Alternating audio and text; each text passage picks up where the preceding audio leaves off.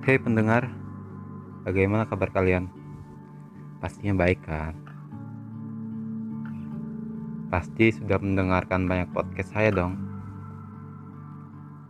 Kalau belum, segera dengarkan ya.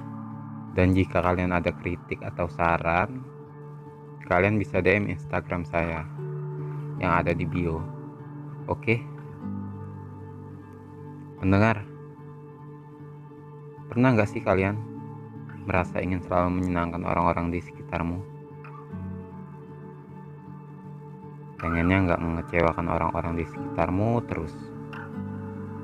Atau orang lain yang melakukan seperti itu. Temanmu misalnya. Dia rela melakukan apa saja untukmu. Agar selalu dekat denganmu. Berarti dia termasuk people pleasure. Apa itu people pleasure?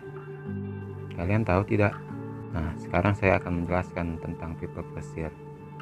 People pleasure adalah sebutan bagi seseorang yang selalu berusaha menyenangkan orang-orang di sekitarnya. People pleasure akan meletakkan kepentingan orang lain di atas kepentingannya sendiri.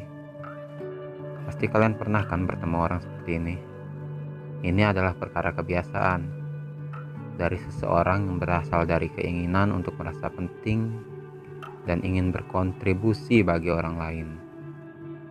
Lebih lanjutnya, seorang people pleaser akan mendapatkan rasa aman dan percaya diri lewat persetujuan orang lain. Mereka perlu agar orang lain menyatakan atau menunjukkan bahwa mereka berharga untuk bisa percaya diri.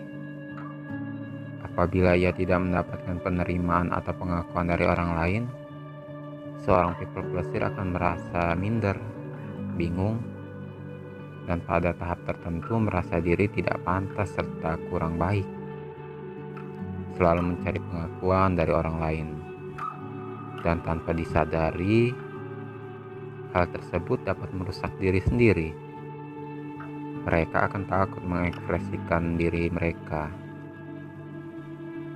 karena tidak mau dianggap aneh atau tidak sesuai dengan orang kebanyakan selalu ingin tampil sebagai orang yang rapi, ramah, supel, murah hati, dan ringan tangan dalam membantu kreatif, menyenangkan, peduli, dan hangat, serta cenderung ingin populer. People pleasure sulit berkata tidak jika dimintai tolong. Bahkan hal itu bisa saja merugikan dirinya sendiri.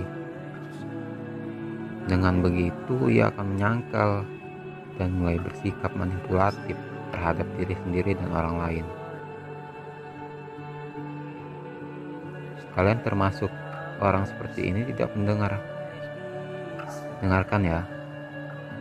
Kamu bukan pemeran pengganti untuk dirimu sendiri.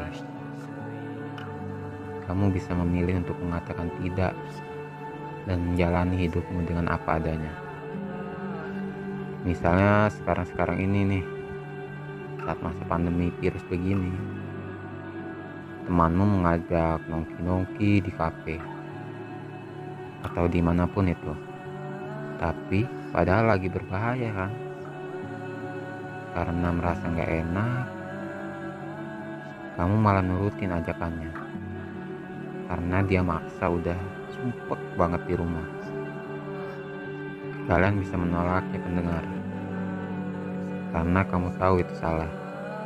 Namun jangan lupa ucapkan kata maaf saat menolak. Karena mungkin orang lain belum terbiasa dengan penolakan.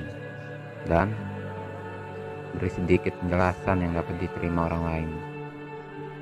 Kamu masih manusia, bukan malaikat kamu akan menemukan seseorang yang menganggap kamu istimewa tanpa ada alasan atas dirimu, bukan orang lain yang memaksamu untuk menjadi orang lain. Sadari bahwa banyak orang yang bisa membantu, bukan hanya kamu. Berburu kebahagiaan untuk dirimu, tapi usahakan terpikat pada rasa yang tulus.